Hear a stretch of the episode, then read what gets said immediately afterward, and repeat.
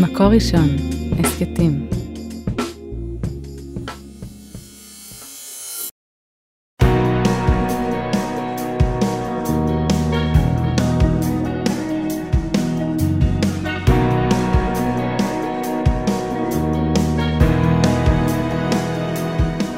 שלום הרבנית שירה מריני מירביס. שלום הרבנית חמוטל שובל. פרשת ניצבים. אז אה, שבת שעברה דיברנו על הברכות והקללות, ואנחנו ממשיכות קדימה. והשבת יש לנו פרשה שתמיד תמיד אנחנו נקרא אותה בשבת שלפני ראש השנה. פרשת ניצבים מדברת בעצם על הברית שאנחנו כורתים עם הקדוש ברוך הוא, ומה קורה כשאנחנו מפרים את הברית הזאת. האם יש לנו אפשרות לתקן ואיך מתקנים. אני חושבת שזה מהמם שאנחנו קוראים את זה בדיוק לפני ראש השנה. על כל מערכת היחסים בין עם ישראל לקדוש ברוך הוא. בדיוק. אה, היית פעם בהודו? לא, עוד לא, מחכה. את חייבת לנסוע להודו. מאוד רוצה לנסוע, יש לי איש שלא משתף פעולה עם החלום כרגע. בסדר, נו. ולכן זה נדחה. אז אני הייתי בהודו, ואחד הדברים המעניינים זה ש... הרי אנשים נוסעים להודו בשביל אה, הרוגע והשקט והנופים וההתבודדויות, נכון? וככה לנקות את הראש, אחרי הישראליות שהיא מאוד אה, אינטנסיבית, הרבה פעמים זה אחרי הצבא וכאלה. ואז, אחרי כל הבומבסטיות של ההכרזות, יום שישי מגיעים כל הישראלים, או לבית חב"ד, או לבית היהודי, כולם מתנקזים שעה, שעתיים לפני שבת, פתאום כל הישראלים מגיעים בדיוק לאותו מקום. זאת אומרת, כל הרצון אה, ללכת לבד, לברוח, להתרחק. כן, לטייל, לראות עולם, יום שישי, רק עברית ברחובות, לא משנה באיזה עיר תהיי. ויש משהו נורא יפה, כי הדתיים יודעים שצריך להכין שבת. אז כולם מתיישבים, סלטים, חותכים, עושים דגים, מכינים את האוכל וזה, אבל זה לא משנה דתיים או לא. לקראת uh, שקיעת השמש, כל הישראלים זורמים, ו- וכל מה שחלק מאוד גדול מהם לא רצה בבית, פתאום הם כמהים לזה, להדלקת נרות, לקבלת שבת. פתאום uh, היהדות שלהם, כן, הכל מבחירה. הם בהודו, הם מרגישים שהם במקום אחר, והם מרשים לעצמם uh, להתקרב. והרבה פעמים, הרבה שיחות מעניינות שהיו לי שם עם אנשים שאמרו, בבית אני לא רוצה את זה, אני לא מרגיש שזה שלי. אבל כשאני רחוק פה, את יודעת, זה גם געגוע לבית, וגם יש פה משהו שהלב נפתח ואפשר אה, פתאום לבחור בזה ולרצות. אז לי יש חברה גאונה שפתחה בית יהודי פה בארץ. זאת אומרת, אנשים מגיעים אליה לעשות שבת, ויש לה באמת בהגדרה בית יהודי. פתוח ו- כזה. פתוח, כן, ולמטיילים, זה בצפון. אה, את אותו הקונספט שמנסה לשמר את ה... בוא תראה, יהדות מבחירה אם בא לך. אז באמת הפסוקים אה, בתחילת הפרשה, אנחנו פוגשים את הפסוקים המפורסמים, כי המצווה הזאת, אשר אנוכי מצווך היום, לא נפלאתי ממך ולא רחוקה היא, לא בשמיים היא. לומר, מי יעלה לנו השמיימה ויקחה לנו ולא מעבר לים היא, כי קרוב אליך הדבר מאוד בפיך ובלבבך לעשותו. ונכון, תמיד שואלים, על מה מדובר פה? נכון. על היהדות, על משהו ספציפי. אלינו? אנחנו גם לא תמיד מרגישים שזה כזה פשוט וקרוב אלינו. נכון, ובאמת הרב זקס, אה, באחד הפירושים היפים, קודם כל הפסוקים האלו מהממים, נכון? וזה פסוקים שאנחנו תמיד חוזרים אליהם. והרב זקס מדבר על הקושי של לעבוד את הקדוש ברוך הוא, או על הקושי של להיות מחויב למערכת של תורה, של מצוות, של קשר עם הקדוש ברוך הוא, דווקא במקומות שאתה נמצא בשפע.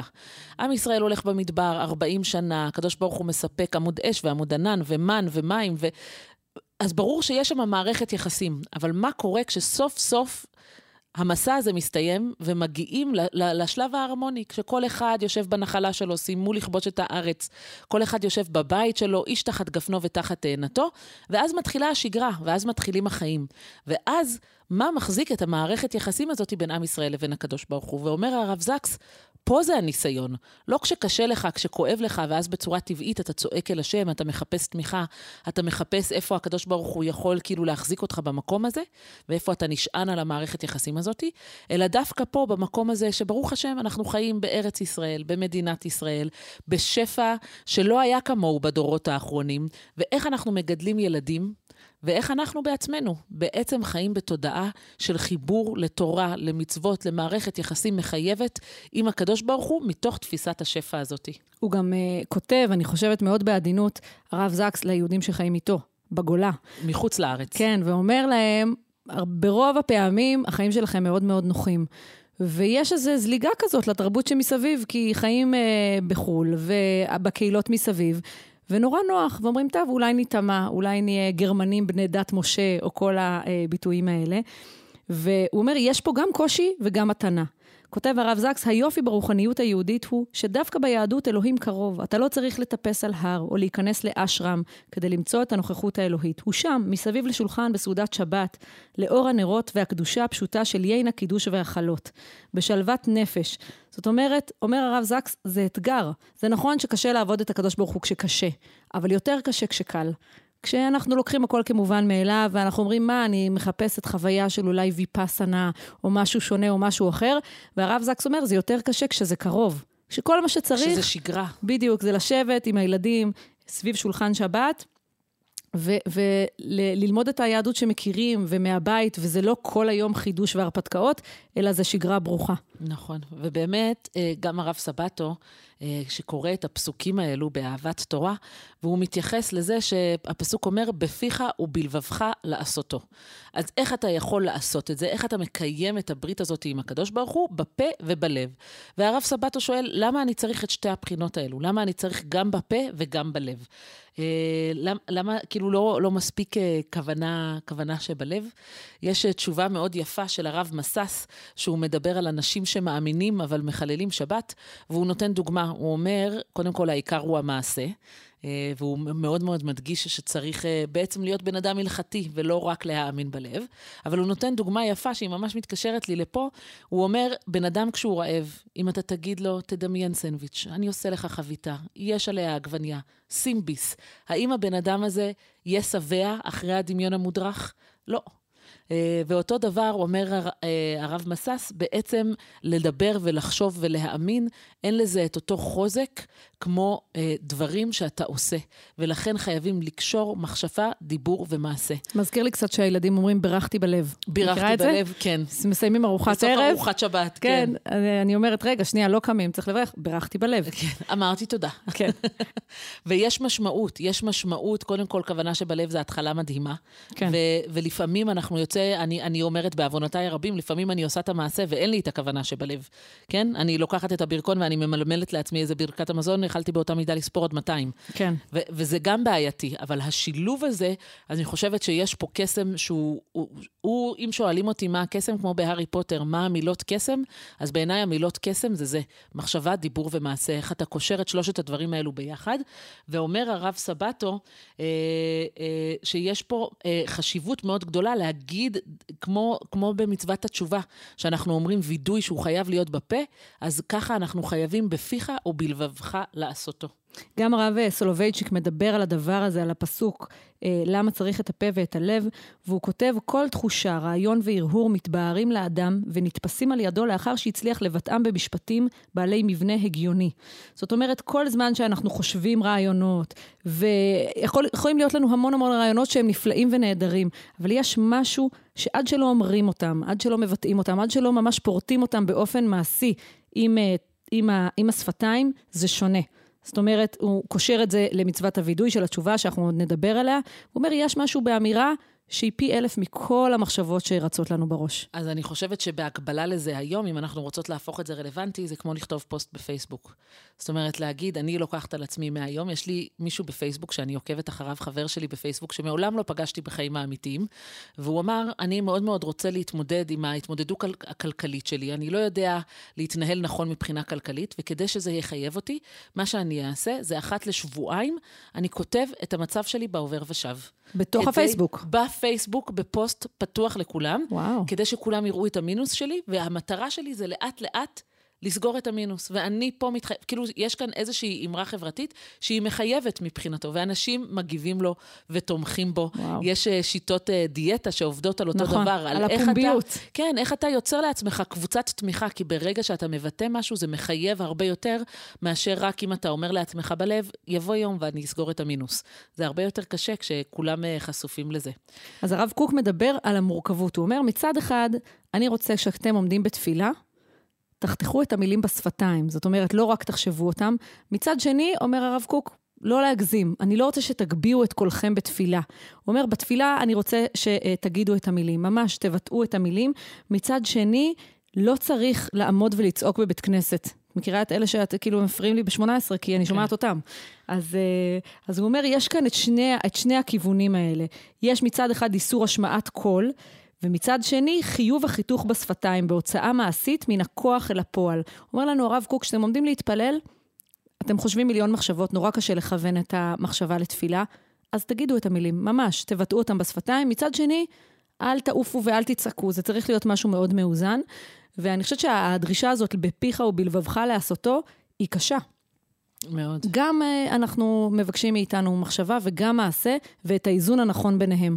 לדעת איך לא רק חושבים מחשבות נפלאות בלי להוציא אותם לפועל, איך לא רק עושים מעשים בלי בכלל להתכוון, והפסוק הזה דורש מאיתנו גם את המחשבה וגם את המעשה, ובצורה מאוד מאוד מאוזנת. אז אני, כמו, ש, כמו שכבר סיפרתי בעבר, אני בת של גננת, ואני חושבת שאחד הדברים הכי חשובים שגננות עושות בגן, זה שכל יום בתפילה, כל בוקר, אני מקווה שעושים את זה גם היום, אני לא סגורה על זה, אבל אימא שלי הייתה עושה את זה, כל בוקר בתפילה מעבירים קופת צדקה, וכל ילד צריך לשים עשר אגורות. אה, וזה בדיוק לקשור מחשבה, דיבור ומעשה. זאת אומרת, התפילה לא יכולה להישאר רק בדיבור, ומצוות הצדקה, אתה ישר עושה איזשהו מעשה שהוא חסד, שהוא נתינה מעצמך. והמצוות צדקה הזאת, היא חייבת להיות קשורה למעשה התפילה, לדיבור, למעשה, לכוונה. זה, אצלי זה מתקשר שם הכל ביחד. אז יוחזר המנהג של קופות הצדקה בגן. אז אם כבר גנים, אה, יש משהו מאוד מעניין שכשהילדים שלנו לומדים בגן, להתפלל ולשיר, והם מקבלים את זה ככה מינקות, תמיד עולה לי השאלה, אנחנו בכלל לא שואלים אותם. אנחנו מכתיבים להם איזה חינוך יהיה להם, הבת שלי יודעת... חמוטל, ממך לא ציפיתי לכזה טרלול פרוגרסיבי. החירות לבחור, את אומרת. בדיוק. לא, אני אומרת, אין חירות. אין חירות. אין חירות לבחור, ו- וזה מאוד מעניין, בגלל שזה בדיוק מה שאומר לנו כאן אה, הפסוק, זה מה שאומר לנו משה, אנחנו ממש אה, לקראת סוף אה, חומש דברים, ומשה אמר לנו, אני בכלל לא שואל אתכם. אני מדבר איתכם, אתם חושבים שאני מדבר איתכם? אני לא מדבר רק איתכם. בדיוק, ולא אתכם לבדכם. אנוכי כורת את הברית הזאת ואת העלה הזאת, כי עת ישנו פה עמנו, עומד היום לפני השם אלוהינו, ואת אשר איננו פה עמנו היום. הילדים שלכם, הנכדים שלכם, גם אם הילד שלכם לא יודע מה זה אדון עולם, הוא כבר שר את זה בגיל שלוש. הברית מוכלת על כולנו, עומדת. אם נרצה ואם לא נרצה. אז תמיד קראתי את הפסוקים האלו, וזה נורא נורא התרגשתי מהם. כאילו, משה והקדוש ברוך הוא כרתו איתי ברית ממש, ועכשיו את פתאום הופכת לי את התמונה. את בעצם אומרת, אין פה בחירה חופשית. ובעצם השאלה שגם האברבנאל שואל אותה בצורה מאוד מאוד חדה, הוא אומר, באיזה זכות? זאת אומרת, איך אפשר לכרות איתי ברית אם אני לא כרתתי את הברית? והוא ממש מעביר את זה לפסים מעשיים, הוא מצטט את הגמרא במסכת שבועות, שבועות, זקין את האדם שלא בפניו, ואין חווים את האדם שלא בפניו. זאת אומרת, אם יושב בית דין, הוא יכול לזכות בן אדם גם אם הוא לא נמצא פה, כי אתה נושא זיכוי. אבל יושב בית דין, והבן וה, אדם לא נמצא לפניהם, אתה לא יכול לחייב אותו. ואומר פה האברבנאל, איך יכול להיות סיטואציה שבה בני ישראל עומדים שם ומתחייבים בשמי, שאני בכלל לא, לא הייתי שם. איך אני יכולה להיות מחויבת לברית שלא אני לקחתי על עצמי? ובאמת יש פה שאלה, אני חושבת, עמוקה, הרבה מעבר לשמאל ימין וכל מיני שטויות. באמת יש פה שאלה מאוד מאוד עמוקה, האם אני מחויבת לברית שלא אני לקחתי אותה על עצמי? או בעצם השאלה זה, האם לקחתי על עצמי ברית מעצם זה שנולדתי לתוך העם היהודי, ואיך זה יכול להיות. אז במובן מסוים, זה מה שאברבנאל אומר. הוא אומר שברגע שאנחנו חלק מהאומה הישראלית, ורגע לידת האומה שלנו זה בעצם רגע היציאה ממצרים, שהקדוש ברוך הוא לקח וגאל אותנו משם. ואומר האברבנאל, ברגע שהקדוש ברוך הוא הוציא אותנו מכור הברזל של מצרים, מבית עבדים, הם בעצם שייכים, אנחנו, שייכים לקדוש ברוך הוא. יש לנו אה, אה, סוג של גאולה שמחייבת אותנו. תוך כדי המעשה הזה של היציאה הלאומית ביחד ממצרים, הפכנו להיות שייכים לקדוש ברוך הוא. ולכן הברית היא לא באמת משנה ספציפית. מי היה שם, מי נולד בין השנים כך וכך ליציאת מצרים וכך וכך אחריה, אלא כולנו לכל הדורות הבאים. אז באמת הוא אומר פה, וזה מתקשר לדבר הקודם שדיברנו עליו, על כוונה, דיבור ומעשה, והוא אומר שבעצם יש כאן חיבור שמפאת הגוף ומפאת הנפש ומפאת ארץ מגוריהם, הוא מוסיף פה את הארץ, את המיקום, אשר גרו בה, היו הבנים מחויבים ונכללים בברית שקיבלו אבותם. זאת אומרת, יש פה גוף ויש פה נפש ויש פה מדינה או ארץ שקושרת את כולנו ביחד, ובעצם זה שיצאנו ממצרים ונכנסנו לארץ ישראל כעם, בעצם פה הברית הזאת חלה אה, על כולם. לא מצד השבועה שעשו, כי אם מדין העבדות אשר קיבלו בהוציאו אותם מארץ מצרים, ומפאת התורה שקיבלו בפיקדון, והארץ הנבחרת שקיבלו בהלוואה. זאת אומרת, הוא אומר, כשיוציאו אותנו ממצרים, בעצם אה, יצאנו, היינו עבדים, ברחנו והכול, אבל הוא אומר, ברגע שיש את הכניסה לארץ, יש פה חידוש של הברית במימד אחר, וזו ההתחייבות שלנו, הארץ היא שלנו, היא תמיד שלנו, זה באמת לא, לא כך משנה אם אנחנו נמצאים בה או לא, ויש את החיבור הזה שמתחיל ביציאת מצרים ומתחדש גם בקבלת תורה בנעשה ונשמע, ואחר כך מקבל תוקף עם אדמה שבה עם, אנחנו עם יושבים. עם הארץ, כן, זה נורא נורא יפה. עם כל זה, יש פה שאלה שבאמת ב... ב כאילו, עם כל זה שאני, שהאברבנאל מציג פה תשובה, לפעמים השאלה היא חדה. זאת אומרת, היא נשארת ועומדת, למרות שהאברבנאל מציג פה תשובה יפה, ואני יודעת שהשאלה היא מאוד מאוד חזקה, בגלל שאחר כך יש לנו הדהוד של השאלה הזאת לאורך הדורות. יחזקאל אה, מתייחס לבני ישראל שבאים ואומרים לו, שנייה, זה בכלל לא הברית שלנו, מה אתה רוצה מאיתנו? ויחזקאל אומר ככה, והעולה על רוחכם היו לא תהיה, אשר אתם אומרים, נהיה בגויים כמשפחות הארצות לשרת עץ ואבן, חייני נאום השם אלוקים, אם לא ביד חזקה ובזרוע נטויה ובחמה שפוכה אמלוך עליכם. זה קצת מזכיר לי דיאלוגים אה, בבית עם הילדים. וואו, לגמרי. נכון שיש, אני אומרת, אלה חוקי הבית, אז אומרים לי, אנחנו לא בחרנו אותם. אז אני אומרת להם, אוקיי, בחמה שפוכה, זה אני, החוקים שלי, אני קובעת, זה באמת לא קשור אליכם. אז אני באמת גדלתי בבית, ואני מאוד מאוד שמחה להעביר את זה הלאה לדור הבא, שבו אומרים, אה, חינוך זה לא דמוקרטיה. ואין פה, אין פה מערכת שוויונית של בחירות וכל אחד יביע את דעתו. אתם יכולים להביע את דעתכם, אבל אבא ואימא מקבלים את ההחלטה. זאת אומרת, אין פה שוויון זכויות בפני החוק. אה, אני, סליחה, אני יודעת שזה נורא לא מודרני להגיד את זה, אבל אני ממש לא מאמינה ב... אני מאמינה בסמכות הורית לחלוטין. בעצם הקדוש ברוך הוא אומר, אתם יכולים לחשוב שאתם עוזבים אותי, אבל כמו ילדים... אתם יכולים לנסות לנטוש את הברית או למרוד בה. בדיוק, זה לא משנה. זאת אומרת, זה כמו ילדים, אנחנו לא בוחרים אה, את ההורים שלנו, ואומר הקדוש ברוך הוא, גם אם אתם חושבים שאתם לא מחויבים לי, אתם מחויבים לי, אני אמלוך עליכם, וככה, כך או כך, אם תבואו מרצון, ואם לא תבואו, אז זה יהיה בחמה שפוכה ובזרוע נטויה. אבל מה שבעצם אנחנו מבינים מיחזקאל, שהברית היא כפויה עלינו. כך או כך. אה, באמת? אז אני, מה שאני הבנתי מיחזקאל, זה כמו שאת אומרת, זה מערכת יחסים כמו בין הורים לילדים. זאת אומרת, הקדוש ברוך הוא אומר, אתם יכולים למרוד, אתם יכולים לעשות שטויות, אתם יכולים להגיד לי לא, אתם יכולים בכוונה, נכון? לעשות מה שאסור כדי לעצבן אותי, אבל זה לא משנה, הברית עומדת. וגם, בסוף תחזרו. אתם, א', אתם בסוף תחזרו, ו, ו, וזה לא משנה, כי הברית עומדת. זאת אומרת, אה, אבא ואימא נשארים אבא ואימא, ולא משנה מה הילד עושה. זאת אומרת, יש פה איזושהי מערכת יחסים שהיא בכלל לא תלויה בבחירה שלנו, ועם כל זה שזה יכול מצד אחד אה, לגרום לנו להתקומם, זה מצד שני נותן המון המון ביטחון במערכת יחסים, שזה לא משנה מה אתה עושה. המערכת יחסים הזאת היא עומדת, ואתה רק צריך לראות איך אתה פועל בתוך המערכת יחסים הזאת, אבל אתה, לא, אין, אין אפשרות... להתנתק. להתנתק ממנה, לחלוטין. אנחנו מגיעים לקראת uh, סוף הפרשה, אנחנו בכל זאת שבת לפני ראש השנה, ונחמה ליבוביץ' אומרת לנו, תסתכלו בעדינות בפסוקים, השורש תשובה ולשוב חוזר שוב ושוב, והיה כי יבואו אליך כל הדברים האלה, הברכה והקללה, אשר נתתי לפניך, והשבות אל לבבך, ואחר כך כתוב לנו, ושבת עד השם אלוהיך ושמעת בקולו, ושב השם אלוהיך את שבותך, ושב וקיבצך, וכולי וכולי. שזה או... נורא יפה, כי זה לא רק שאנחנו צריכים לשוב בתשובה, זה בדיוק. גם הקדוש ברוך הוא שב אלינו. ואומרת לנו אה, נחמה ליבוביץ', יש לנו פה שני ממדים של תשובה. אחד, כמובן, הממד הפשוט שאנחנו חוזרים בתשובה, והשני, שהקדוש ברוך הוא שב אלינו ומקבץ אותנו, יש פה גם קיבוץ גלויות וגם, אה, וגם תשובה, חזרה בתשובה. והיא אומרת, תשימו לב איך הפסוקים מהדהדים את החזרה ההדדית הזאת, כמו שאמרת, הורים וילדים. זה אף פעם לא מתנתק. אה, וכותב המלבים, כי תשוב אל השם אלוהיך בכל לבבך, שאז יבואו למדרגה גדולה כזו, מפני שהתשובה תהיה אל השם אלוהיך. שלא, בהתחלה כתוב לנו שהתשובה היא עד השם אלוהיך, וכדי ממש להגיע לתשובה, מתקדמים אל השם אלוהיך. יש פה תשובה שהיא ממש ממש שלמה וכוללת.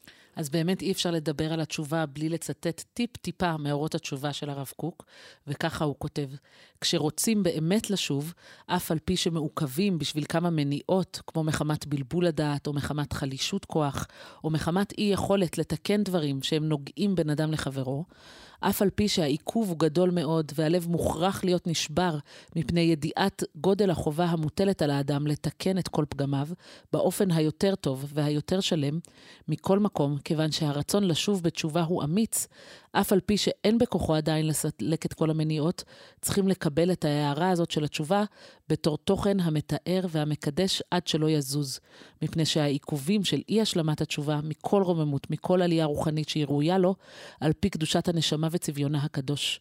וכשם שזה כלל גדול אצל היחיד, ככה הוא אצל הציבור בכללותו. אז תסבירי עכשיו, לאלה שפספסו אותנו. אני כל כך אוהבת את הרב קוק. כאילו, יש משהו, אני מרגישה שזה ממש גירסא דיאנקותא, זה, זה כל כך uh, ליווה אותי בשנים uh, סוערות של חיי, בגילאי 15, 16, 17, היה לי כזה כרך קטן של uh, אורות התשובה, והייתי מסמנת בו בעיפרון בפנים. אז, אז נקודת המוצא, קודם כל, שאנחנו רוצים באמת לשוב.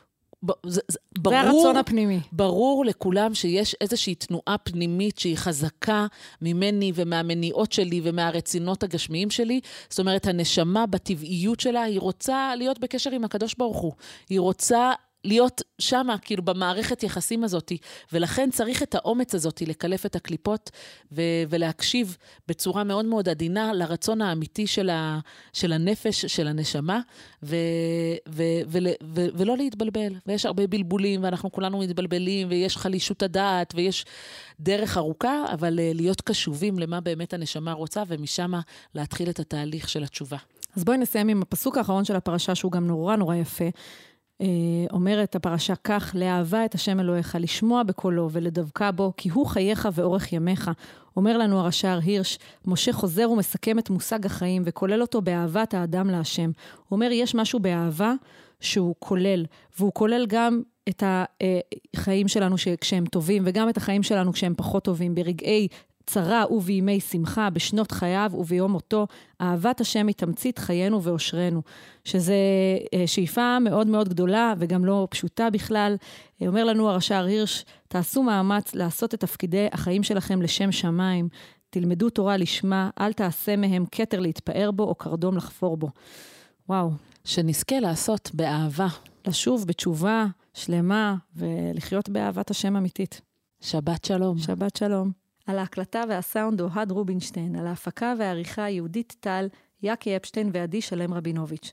תודה רבה למאזינים. את הפרק הזה, כמו את שאר פרקי הסדרה והסכתים רבים נוספים, תוכלו למצוא באתר מקור ראשון, בשורת ההסכתים של מקור ראשון, בספוטיפיי, באפל מיוזיק וגם בגוגל.